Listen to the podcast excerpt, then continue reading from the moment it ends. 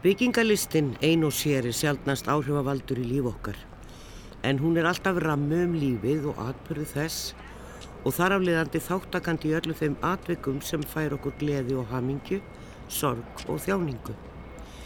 Byggingalistinn er þáttur í því að móta staði og staðir eru fórsenda þess að við skiljum tilver okkar og fórsenda þess að atbyrðir eiga sér stað innan gæsalappa.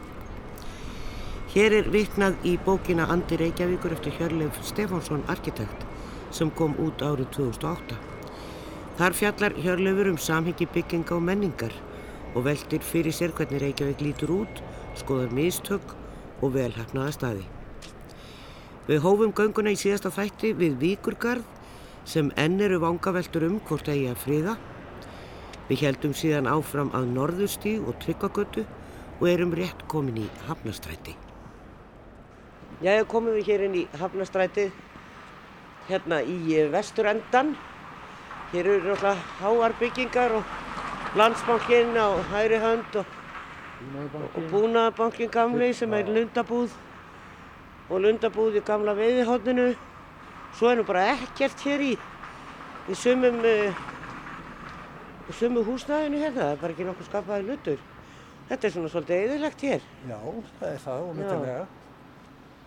Þessum hluta götunar. Já, hann, er, er- hann er svolítið eðilegur, já.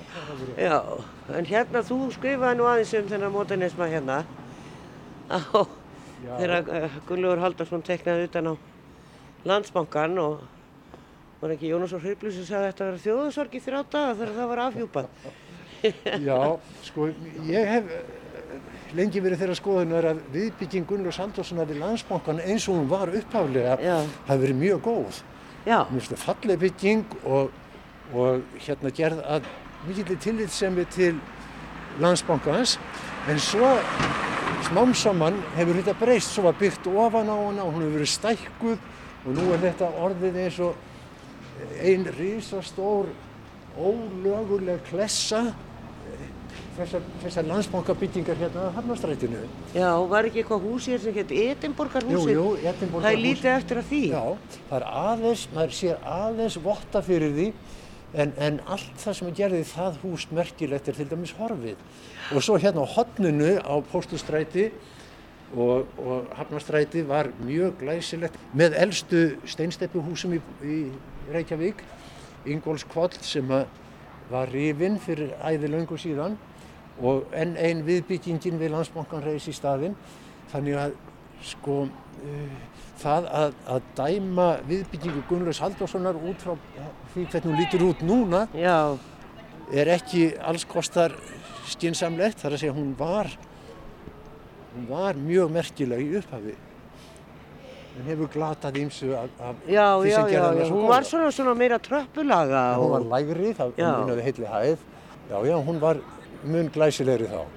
það er hægt að sjá þetta á myndum. Já, Og þá komum við svona inn í þann hluta hafnastræti sem hefur verið svona gengið svolítið í endur nýjum lífdaga.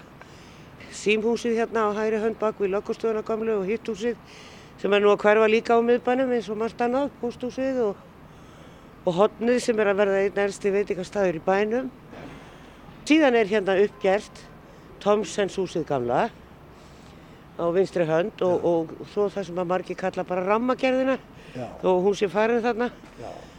Uh, Það er komið apotek og svo held ég að þetta sé hótel. En það hefur tekist vel til við að endurbyggja það hús. já, já. Og skemmtilegt Já, já. straujáðn í endan og... Já, já, og þessar flatsúlur á, á söður hliðinni.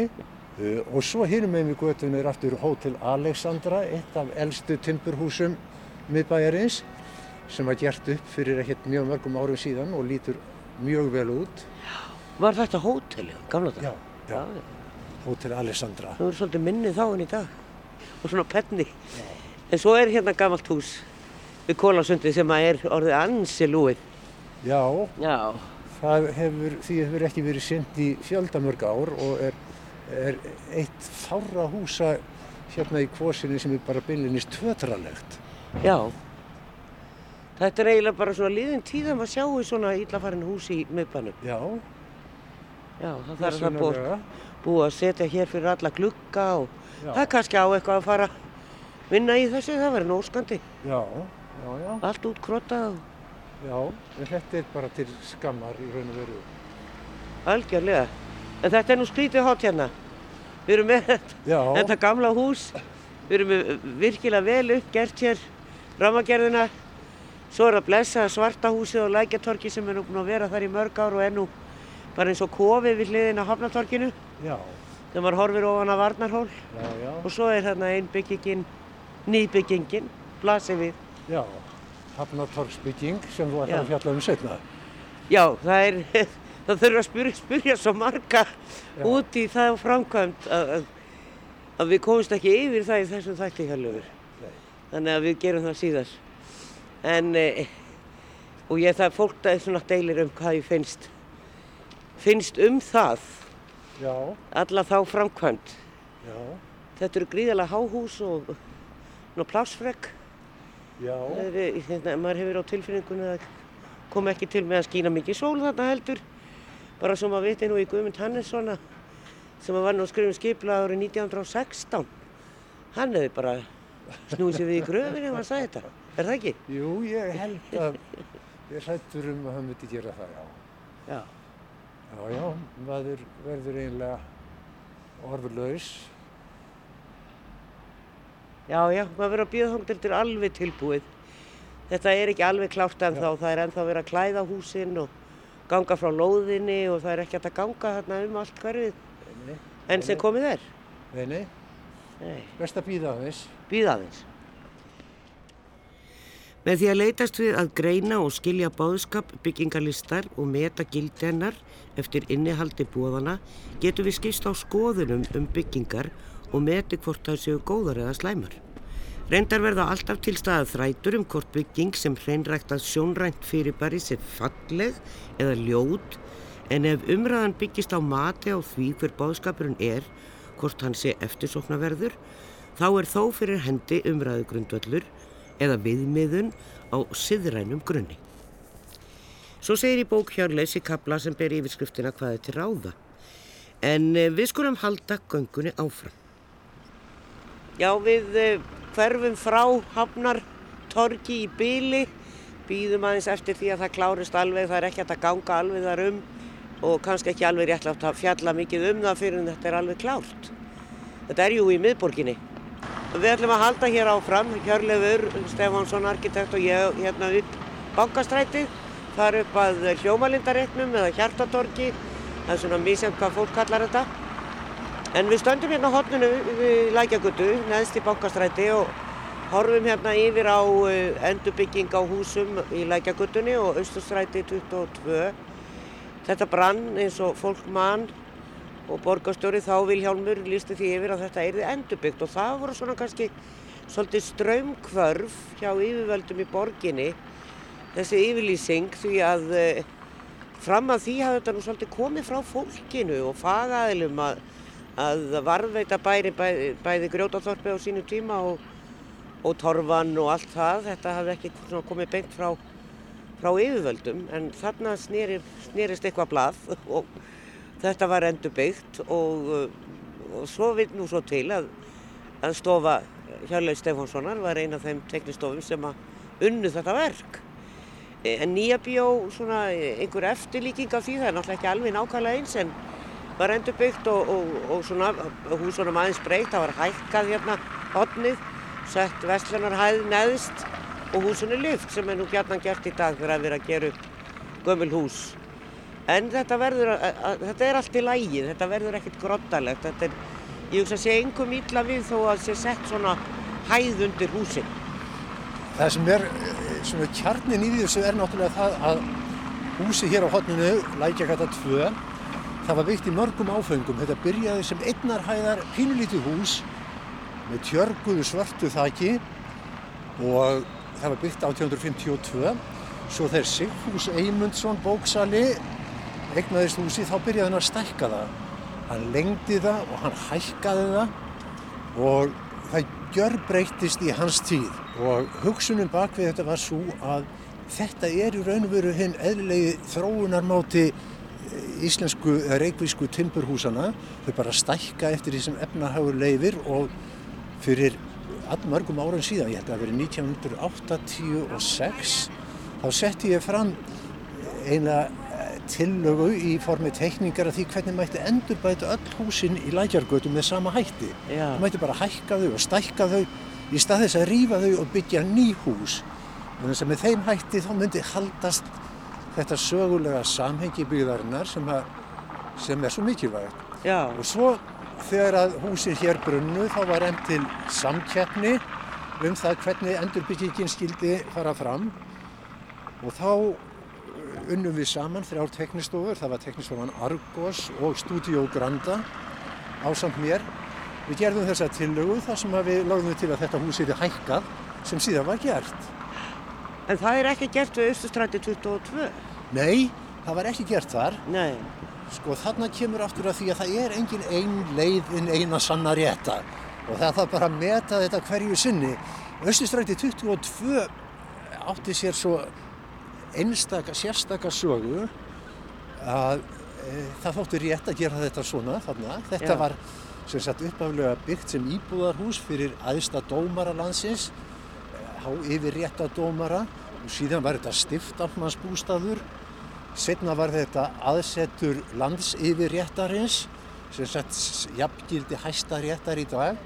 Og þarna var um tíma eina fangelsi landsins, prestaskólinn var þarna allir húsa um tíma og, og, og með gru, á grundvelli alls þessa og þess að það voru til svo ítalegar heimildur um það hvernig húsið hafi verið í upphafi. Þá var lögðum við til að það erði endurbyggt sem líkast því sem það var þegar það var upp á sitt besta. já. Nú Jörundur hundadagakonungu var nú sagður hafa búið þarna þann stuttatíman sem hann var hér og, Já, þetta var kongsatt. já, sem sagt. já, og svo kannski svona meira nálat okkur í tíma var fræð fataveslun hérna, Haraldabúð Já, heldur betur. og e, þannig að Karnabær, Karnabær var þarna líka, já, alveg Já, já. En þá var búið að breyta því ansi mikið. heldur betur. Já, Þetta hús var algjörlega horfið inn í kraðak af alls konar viðbyggingum. Svo undir lokin var þarna að ég held, heldur svona suppulegur bar, ef ég maður rétt. jú, ymmit og með svona mjög nútímalegri innréttingu. Já, og, Passaði enga veginn við. já, og mjög, mjög nútímalegum umgengnisháttum líka. Þess að þarna var sagt að menn gætu geimt sínar eigin brennivinsflöskur. En það var í, í því formi sem húsi brann. Það var lítið eftir af því, en það var eitthvað þó Já, það- sem að var haldið í. Já, Já. þarna sko var, hafði til dæmis varveist eldstæði inn í miðju húsi frá eldstu tíð húsins og hluti af, af veggjónum sem voru hlaðnir úr trjástokkum, eh, hluti af þessu var enn þarna Já. inn í brunarústinni. Hitt brann ekki eins ítla, en þó töluvert og, og Já, þetta sómi sér vel hérna núna.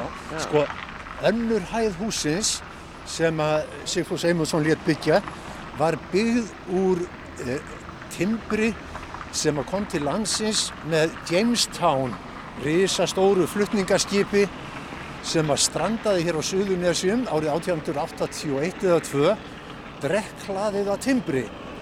Og, og þetta efri hæðin í, í húsi Sigfúsar Eymundssonar var byggð úr þessu timbri eins og mörg önnur hús í Reykjavík sem byggð voru á næstu. Og þetta timbur varveittist og var endur, notað í endurbygginguna á, á sínum stað. Já. Þannig þetta er ekki alveg nýbygging, það er slangur af upphaflegu grindinni og þessum merkilegu plöngum úr Jamestown skipinu en þá í húsinu. Við skulum alltaf uppbyttur, við getum ekki farið hérna fram hjá laugavegi 4 til 6 sem er svona á svipuðum tíma ákveðið að eh, endurbyggja eða sem sagt það var búið að tekna hús þar í þann reit og átt að rýfa tvö lítil hús þarna. Og þá var blaðinu snúið við og þetta var skyndifriðað. Og síðan er náttúrulega búið að byggja þarna það er nú því miður ekkert gerst í þessum húsum í mörg ár. Þetta er alltaf svona alveg hálfklárað allavega innandýra þannig að maður veit ekki alveg hvað verður hana þetta er einhvern veginn og er svolítið skrítið hús það er ekki hægt að segja hana. Já. og e, svona já, fólk talar svolítið um þetta hvað er þetta eiginlega og hvað á hana þannig við stöldrum við þar á leiðinni.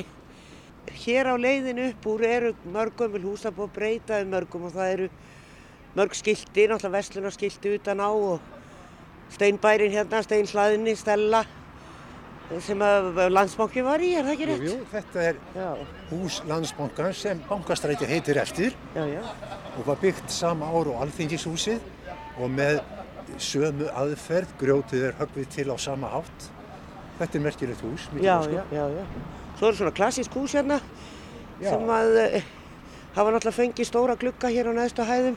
Já, og svo hérna framundan á, á hotni bankastrætis og e, Ingólfstrætis, þar er mjög glæsilegt steinsteft hús með þeim eldri í Reykjavík frá 1915 sem Jón Þorláksson verkfræðingur byggði sem síðar var fósettisráð þeirra.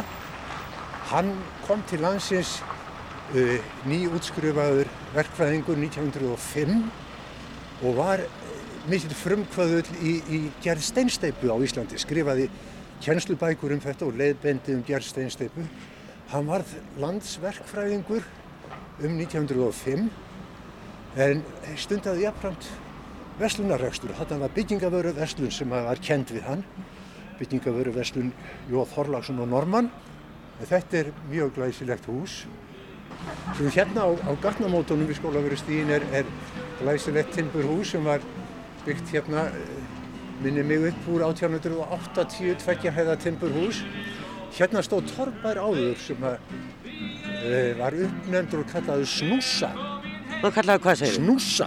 Snúsa. Já, og svo var sko fáum árum eftir að húsið á hotnunum var byggt, sem er númið tvö, þá var húsið númið fjögur byggt og þar var prentsmiðja og þar stóð þessi torfbær snúsa Já, sem var rifin um það leiti og beint á móti þessum húsum er svo laugafögu þrjú sem er mjög glæsilegt steinsteift hús sem Guðjón Samuelsson teiknaði já, Þetta var byggt í mörgum áfengum. Það byrjaði sem einnar hæðar steinsteft hús 1920. Við vesturgaflin á því var viðbygging og timbri og svo var þetta lengt og svo var þetta hækkað. Og þetta glæsilega hús kom svo í, í eigu búnaðabankas rétt fyrir 1960. Bankin leti rífa úr þessu alla glugga. Eh, En svo núna á allra senustu árum hefur þetta komist í hendurnar á fólki sem að er að gera þessu til góða, þykir vænt um húsið og er að hef, hefur sett aftur glugga eins og voru í upphafi. já. Þannig húsið er að ná aftur, Fallegur Fyrir- svip, já, já. fallegt borgarhús. já. En það er svo skrítið, þetta stóra eh, rými hérna sem að bankin var í, með stórum fallegum gluggum Já. og svona uh, smárúðu gler efst í þeim, að, það hefur aldrei neitt gengið hérna eftir að bankin fór. Það virðist ekki, ekki, ekki til lengdar, En, en sjáðu, hérna í já, hérna í glugganum er ljósmynd af húsinu eins og það var Já, já, já. snemma. Hér er bara búið að byggja um það byrjum tvo þriður hluta af lengdas og hér er þessi timburbygging við vesturgaflin. Setna var húsið svo lengt og hækkað. Þetta er til leiðu núna, Já, ef einhver vill. já, Já, svo komum við hérna að þessum húsum sem voru gerðu upp já. og uh, skyndi friðuð, hættu við að byggja hérna svona, það sem að ég sá nú teknikar af voru svona frekar látlaus hús sem að var búið að tekna hér inni í, ekki, voru þrjár hæðir og, og svona skipti í kabla þannig að þau voru ekki öll, eh, svona ein, eitt hús. Já. En uh, það var ákveð að gera þau upp, þessi hús, þó að svo að þau hefðu í rauninni kannski enga sérstakar sögu. Þetta var borginni ansi dýrt dæmi. Þetta var eitt skringilegasta dæmi um pólitísk átök í sambandi við húsvernd sem við þekkjum. Sko, Reykjavíkuborg, þess, þessar lóðir voru í eigu byggingafyrirtækis Já, sem sótti til borgarinnar um það að fá að byggja meira heldur en heimild var fyrir. Og þeir fengu þessa heimild og við það stór jógst verðmæti lóðarinnar. Svo þegar verðið er að mynda borgarstjórn, þá vill Ólafur Magnússon sem eh, var borgarstjóri, hann vill uh, gera skurku í þessum málum og fyrir hans tilstilli kaupi Reykjavíkuborg þau uh, byggingaréttindi sem hún hafði áður útlutað uh, húseigandanum. Já. Þau keftu þetta fyrir meir en halvan miljard króna. svaka. þeir afhend honum fyrst halvan myrjað og kaupa hann svo aðeim aftur. Já, góð Þetta- dýr. Þetta var mjög, mjög undarlegt en fyrir vikið þá björguðust þessi tvö hús, hérna nummer fjögur og sex en, en svo held ég meiri segja að sami byggingaraðali, það kann að vera hann hefði skipt um kennitölu, ég veit það ekki en sami byggingaraðali kefti þetta svo aftur af Reykjavíkuborg Já, á. og hefur núna byggt þessa glerbyggingu sem að einhvern veginn uh, vekur tölverða furðu Hún er mjög, sko, þetta, eru bara svona tvö venjuleg timburhús, annað þeirra bara ein hæð og, og, og ris og hitt er e, tvekja hæð og ris. Þau hafa aldrei fengið neitt svona sérstak hlutverk þessi hús frá þau voru ger, gerð upp og lengi vel varu svona einhver grindverk hérna á milli. Já. En, en svo er þetta komið og dálítið langt síðan að þetta var tilbúið að utan Já. en einhvern veginn ekki verið klárað inni og þegar maður horfir í gegnum gleri þá er svona er svolítið undarlegt sko bara háttalag þarna inni maður að. Já. skilur ekki alveg það er hól alveg langt onni og maður veit að kjallarinn er ansi djúpur það var grafið hér alveg 6 metra niður held ég. Maður skilur ekki alveg hvað þetta á að fyrirstilla. Nei, og svo er svona brúnt gler í þessu að hluta til. Þetta er mjög skrítið já, sjáðu til, uh, sko ég held að, að þessi bygging sé að eins og leiti vel gerð, ég held að þetta sé vandað hús og, og ég held að þetta sé góð hönnun ef maður getur notað svoleiðis orð um, um svona lega, en byggingin er einhvern veginn, sko, að einhverju leiti nánast eins og nýðustöng til háðungar finnst mér, uh, hún gerir enga tilraun til þess að þegra eða styrkja götumyndina. Hún tekur ekki afstöðu með gamlu húsunum. Hún, hún leitast við að vera í andstöðu við þau og tekst það bara mjög vel. já, Hún er bara í, í algjöri andstöðu við þau. já, Það kann að vera réttlætalegt í einhverjum tilvikum en, en hér finnst mér þetta ekki samfærandi laust, satt mest að segja.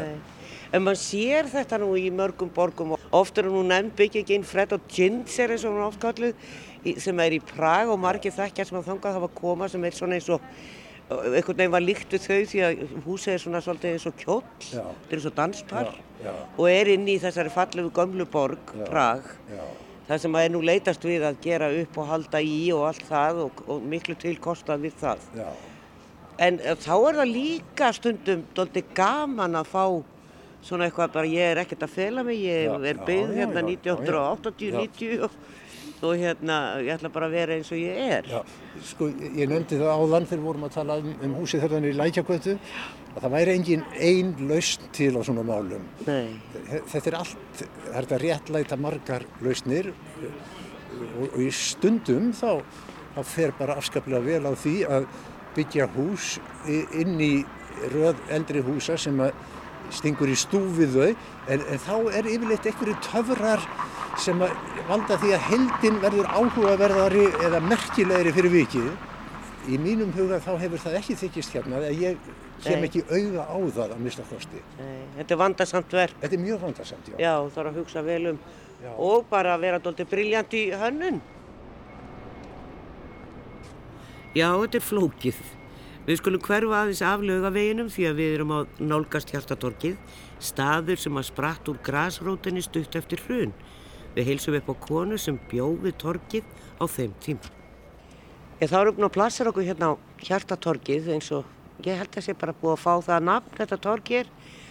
Það fekk það á sínum tíma þegar að uh, þetta var, svona, það var ekkert búið að byggja hérna og, svona rétt eftir hrun og þá var þetta nú svo dóltir hrunslegt, þetta blessaða tork, það kviknaði einu húsinu á hverfuskötu og það voru gamla bygginga hér og húsinu voru nú mörg hver illa farin en svo var jú bar þannig sem hétt Factory, var einu svona Grand Rock og maður sá svona í bakið á honum og, og ekki þetta stóra hótel Canopy sem er komið hér. Og sen er jú búið að gera upp hús hér við laugavegin og sömulegis við hverfiskötuna sem er til fyrirmyndar verð ég nú að segja En torgið er doldið mikið öðru í sig en það var þegar hér var fjöldi manns á hverjum einasta degi og ungt fólk einhvern veginn fann sér sama stað hérna. E, það var lofað, veit ég, að það færu listaverk eftir þá listamenn sem voru búin að graffa hérna á öll húsinn inn á hótelið og það er svolítið gaman að koma inn á hóteli og ganga þar inn því að þar eru verk og það rýsir mitt eitt hér bara upp úr þakkinu e, svona paljættuverk sem að var á e, gabli hér klappastegsmegin við e, sirkus. Og e, það eru fleiri verkan inni eftir þessa listamenn. En það mættu kannski vera fleiri sjáanlega hérna úti. En það er ekki en sjáum hvað setur. Anna Kolbeinsdóttir býr hér upp á hverfiskötu, bjó hér í númið 17 þegar á lögaveginum, þegar að áður en ákveði var að gera upp hér og breyta þessum húsum. Við erum sæstar hérna, ætlum að rifja þessu upp hvernig hjertatorki var, þetta er náttúrulega alveg gífurlegu munur.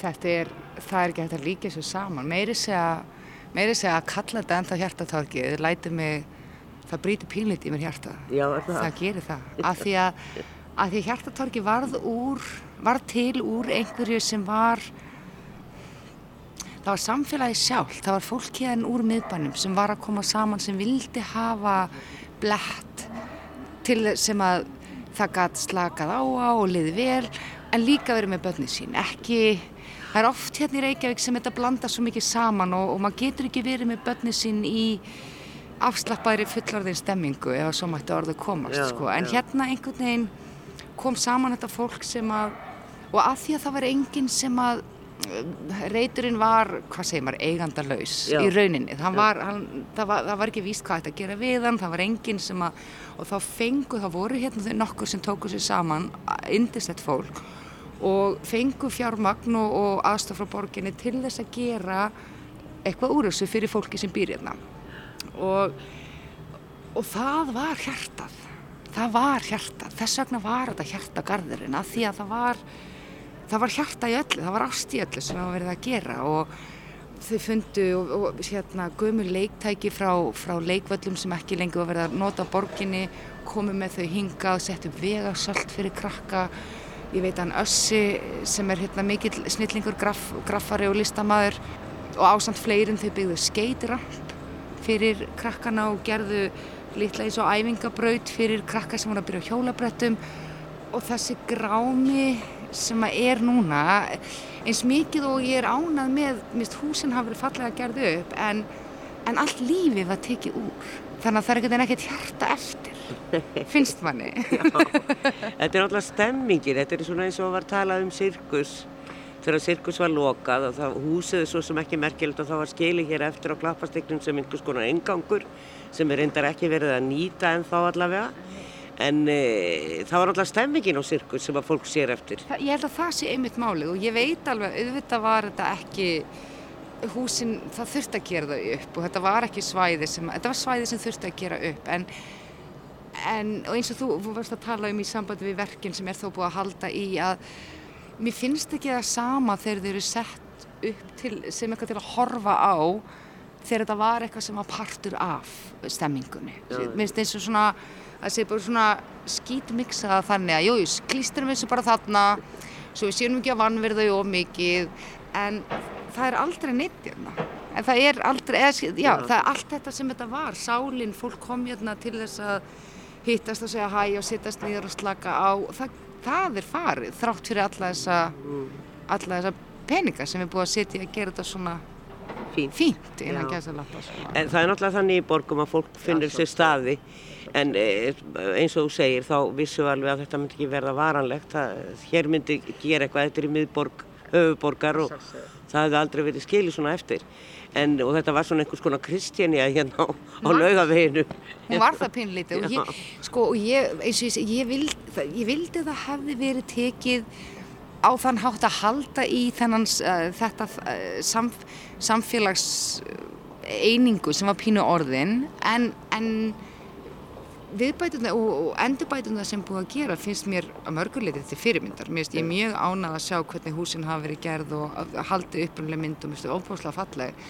En ég vildi að það hefði verið haft meira samráð við þá sem að voru hérna mjög ábyrgir, mjög eljusamir og vinnusamir að halda þessu við, halda þessu hreinu, ég meðal annars, að það hefði verið meira samráð til þess að reyna að halda í þessa fallegu stemmingu sem hafði myndast hérna, sem að ég man ekki eftir að hafa myndast í Reykjavík Nei. í mínu minni, sko.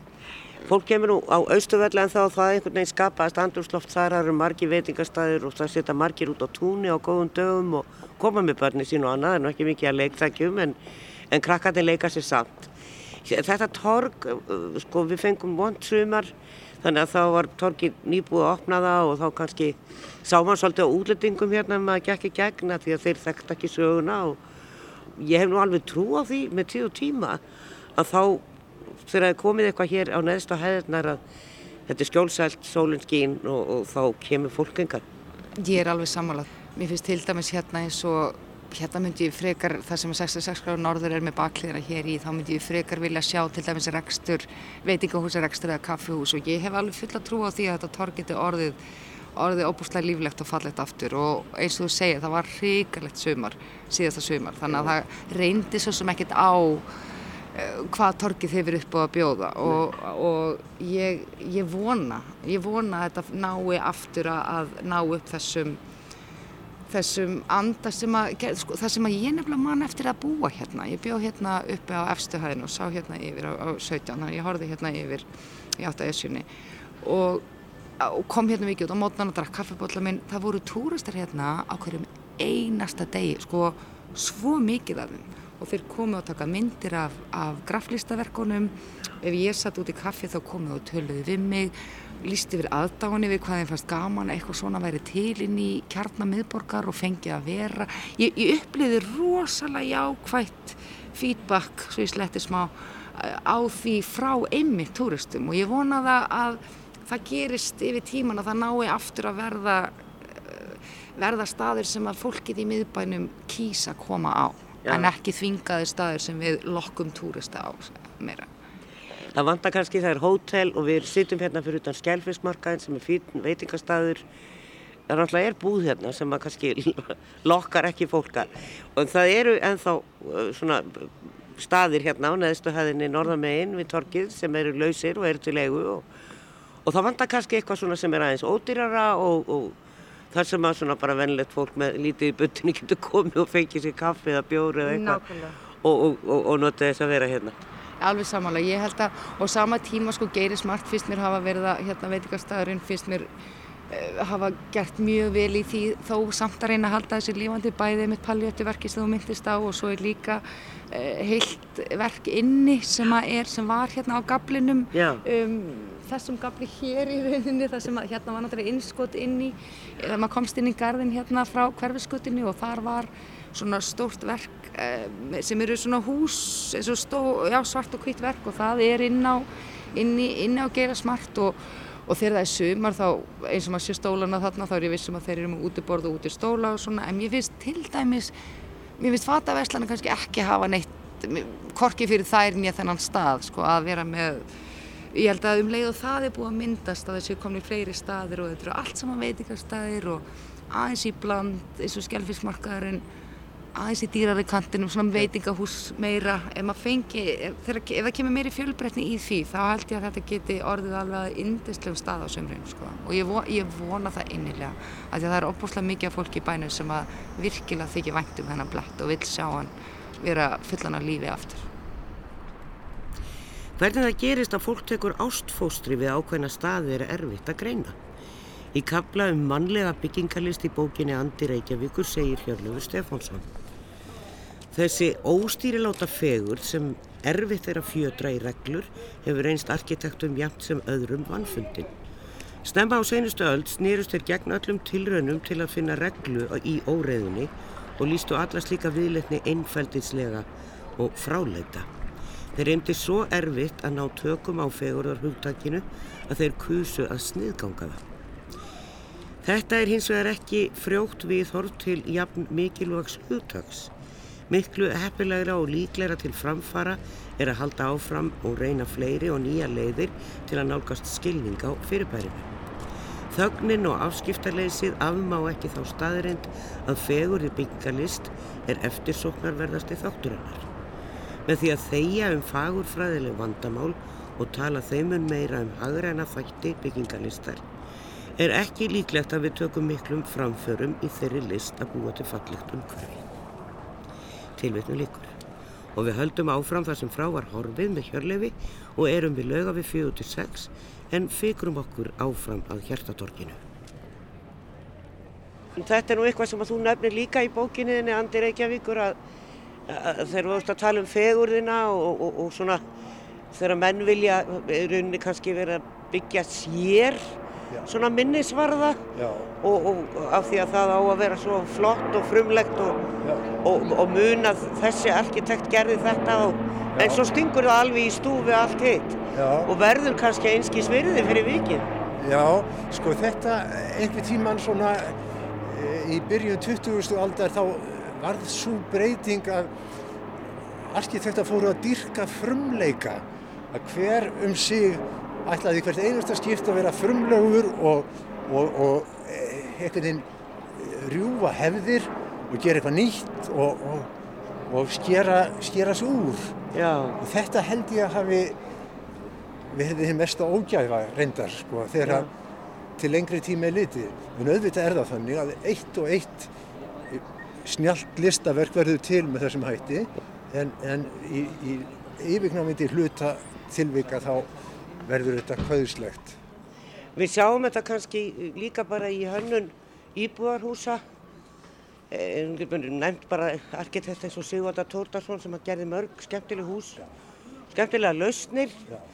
En eh, svona áröldi mínu með hinum og þessum arkitektum og sagfræðingum að þá, þá sér maður að, að það er eins og enginn vilji herma eftir öðrum arkitekt. Ef einhver hefur fundið upp á einhverju góðu, Já, af hverju er fólk ekki að nýta sér það? Það er alltaf prófað eitthvað nýtt já, já. sem að gengur svo bara ekki upp.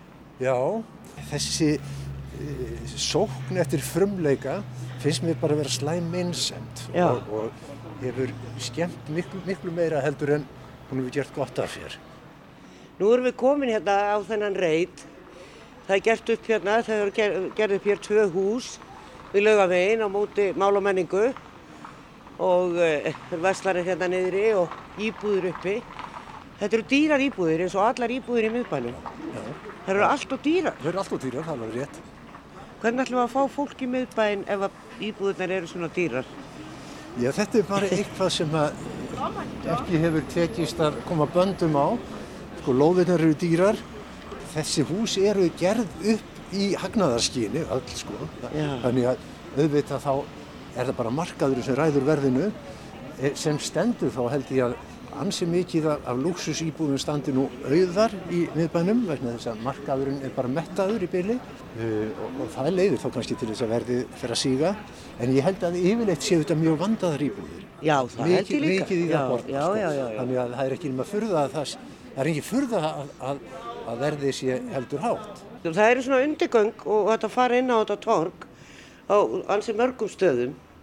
Það var byggt hótel smiðustiksmegin og hérna upp hverfiskötuna og, og það var haldið í mörg hús og fleiri en átt að gera í upphafi.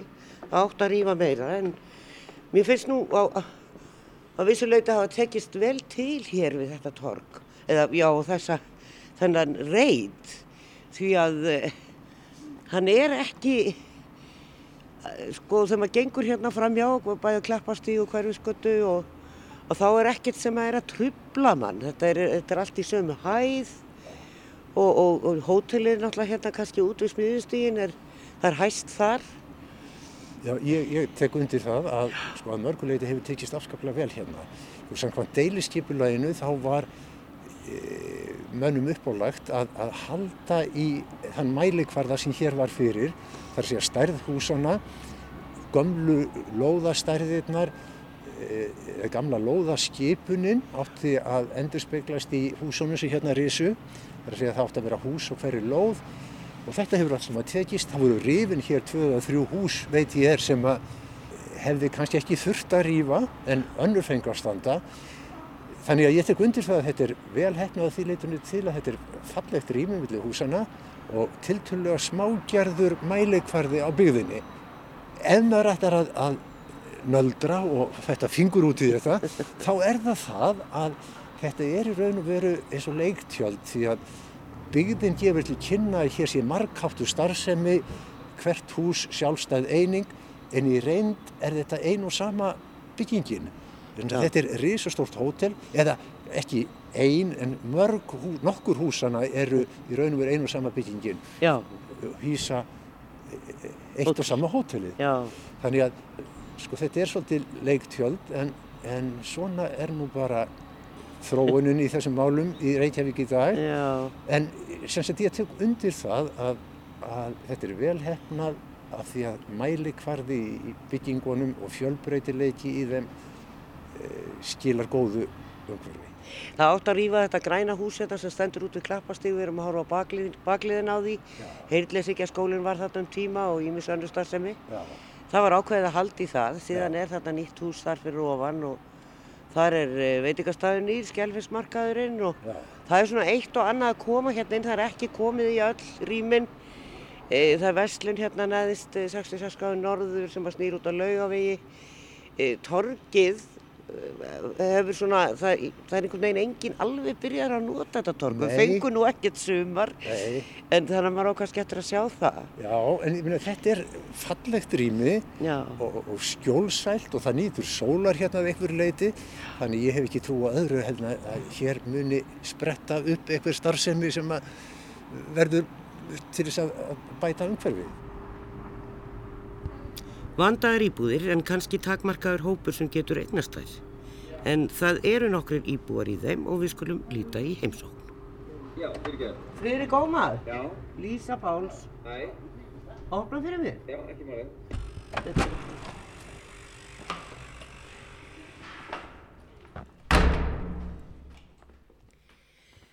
Ég það búa nú ekki margi við laugavegin, svona yfirleitt og þeim fækkar íbúðum við laugaveg en íbúðum fjölgar í rauninni. Núna undanfærið það sem er búið að taka í gegn. Sumtaðis eru náttúrulega bara hótel og þá eru það svona tífambundi gestir. En hér á laugavegi 17 og 19 voru gerðið tvö hús, þetta gengt mál og menningu og þá var nú ekki alveg vandrælust að finna íbúa hér í þessum húsum. Það eru þó nokkrar íbúðir hérna og það er virðast allar vera tómar því miður en kostar svolítið og svo fekk ég nú að vita að það væri svona uh, svolítið þyrnir í augum þeirra sem vilja kaupa það er ekki lifta í þessum húsum. Þetta eru gömul bárjás hús og annað húsið er tölvöld stórt þetta nú með 19 og ábyggilega hvað fjóra-fimm hæðir. Við erum komið hér til Fridriks Ómas Hjörlefssonar söngar á tónleikahaldara þekktu maður. Er í falleri íbúðu tölum aðeins um hana á eftir en það er ekki lifta hérna í húsinu.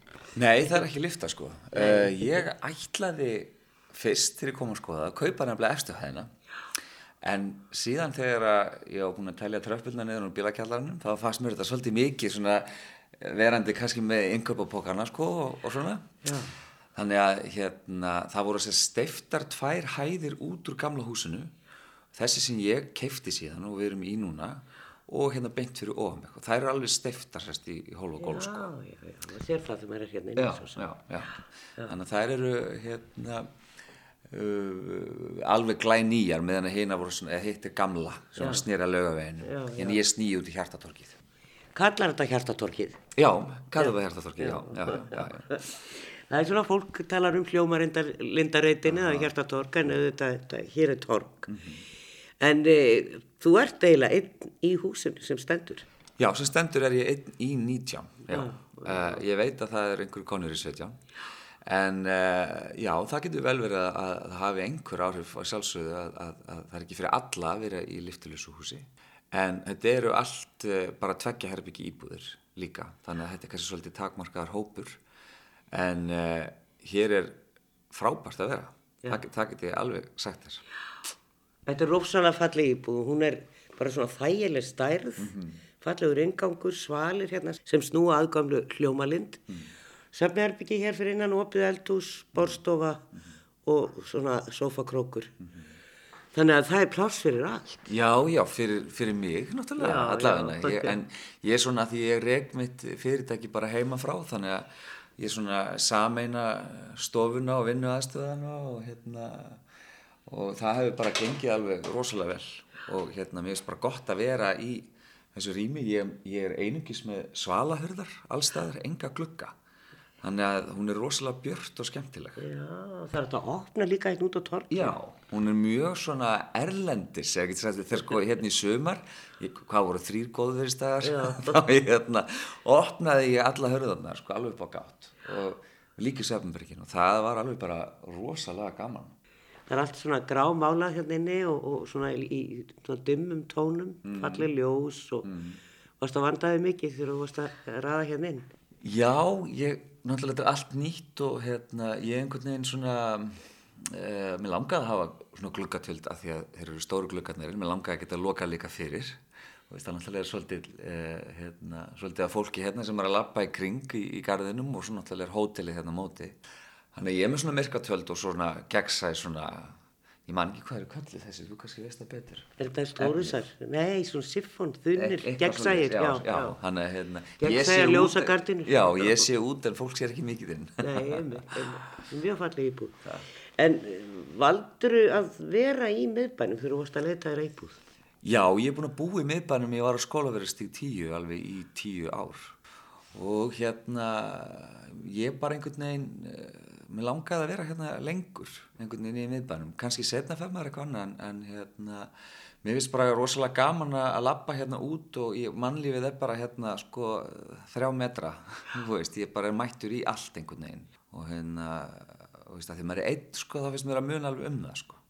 Komast bara ekki, að sé enginn þegar þú kemur út. Já, það er svolítið þessi sko, þú veist, einhverstaðar hérna upp í þorpi sko, ég, já, þannig að hérna, mér finnst það rosalega gott að geta farið hérna og þurfi ekki alltaf að elda, geta að droppa hérna á restaurant og fengi mér að borða á. Já, borðar alltaf á skelfismarkaðum. Herri, ég er búin að borða margótt á skelfismarkaðum og hérna frábært, að fá þannig stað hérna hjá okkur og uh, svo er nú eitthvað meira örgulega að fara að koma hérna eða lappar sko hjartatorkið, það er verið að hérna, gera og græja, mér skilst að verða einhver spa, heilsulind og ég veit ekki hvað, þannig að maður verður alveg eins og nýr. En eh, torgið er svona, af því að veðri var svo leðild í sumar, þá, þá svona verða valla byrjuð að fungera. Nei. Eh, Það er hins vegar, er skjólsælt hérna á þessu torgi þegar að veðrið er gott. Já, það er það sko og hérna sérstaklega í hotninu við Canopy hóteli þar sem þau stóla allt upp og eru borðuð og, og sólin er hérna, ég man ekki nákvæmlega hvað tíma dags hún er en, en það, er, það er mjög gott að vera hérna úti og sitja og ég er alveg samfarið um það að þegar við fáum kannski sumar hérna í borginni að þá, þá verður gaman að vera hérna og mér skilst að vera eitthvað hérna líka um jólin og svona einhverju markaður og svona eitthvað líf. Nú, uh, þetta leit nú öðru, allt öðru út hér áður en það var allt gert upp hérna. Komstu hérna á gamla hjartatorkið? Já, ég man, ég man eftir því en það er samt alveg ótrúlega hvað maður fljótur einhvern veginn að gleyma myndin í huganum þegar maður er að horfa þetta náttúrulega hverjum degi. En ég man alveg eftir því sko, sérstaklega hérna innan tengt sko bara eins og einhverjum svona tónlistar tengdu, þú veist, þegar það var að koma fram eins og svona, það voru einhver svona atriði sko, mann til því og inn í búkin og svona. Nú, þú ert sjálfur að halda tónleika og, og það er enga smá tónleika, yfirleitt er þetta risa tónleikar og mikið sjó. Ertu þá sjálfur að leikstýra því? Já, ég er, hef sko, fyrst var þetta alltaf ég að syngja og svo, þú veist, að sjá um allt, en nú hef ég verið líka að gera verkefni þar sem ég er bara setja upp og, og svo er ég bara baksins að laupa, sko. Og hérna, það er einhver, ég verið með þess ástriði frá því að ég var bara krakki í leikusun og Dalvik, sko, að setja upp sýningar og, og smíða sviðsmyndir og, og tekna allt upp og hef voðalega gaman að því þó náttúrulega þessi fyrst og fremst náttúrulega söngvari sko. en svo stundum er ég bæði sko. það er svolítið trikki en, en svona maður þjálfast upp í Jólin nálgast, ertu að uh, setja upp mikið jólasjó? Já, ég er núna, þetta er fjórða árið röð sem að ég er bæði í salnum í Kópói og svo í Hofi og Akureyri og ég verð með núna tíu tónleika þannig að hérna, núna ég var að klára núna liðna helgi svona síðasta, svo tek ég með smá pása áður en að þessi törn hefsti þetta er, þetta er svona mikið álega en mjög skemmtilegt Þá ertu með gesti, aðra, þú Já, ert að já, syngja já. og fleiri. Já, já, ég er með Garðató Cortes og Margaret Eyre og Sigur Beintens og Dittu, Jóhannu Guðrun og Jekvann og fullt að liði. Þetta er alveg rosalega skemmtilegt og stóra hljómsett. Þú ert frá Dalvík og, og, og sér nú alltaf um þá stóru tónleika Já. á, á fiskideginu. Mm. Hefur einhvern veginn hugsað þér að setjast þar að aftur eða ertu alveg fluttur? Sko, ég hef alveg hugsað mér sko að ég á hús á Akureyri og hérna þar í sömu götu á mamma og pabbi búi og í hús sem að á nú fyrsta útibú ríkisútvarsins, en Reikhúsið og Akureyri sem mm. Jónas Jónasson var og hérna, ég hef farið núna til Dalvíkur og ég viðkynna það fyrir 20 mánu síðan, þá var ég að hugsa um að egnast hús á Dalvík, þannig að hver veit engu tíman, það er svolítið sterkar rætunar en, en náttúrulega fóröldra mínur og sískinur öllu á Akureyri, þannig ég sæki nú meira þanga núna. En hér er gott að vera, segi ég, og það er mjög gott andrúsloft hér í íbúðinu og þið líður vel hér. Já, mjög vel.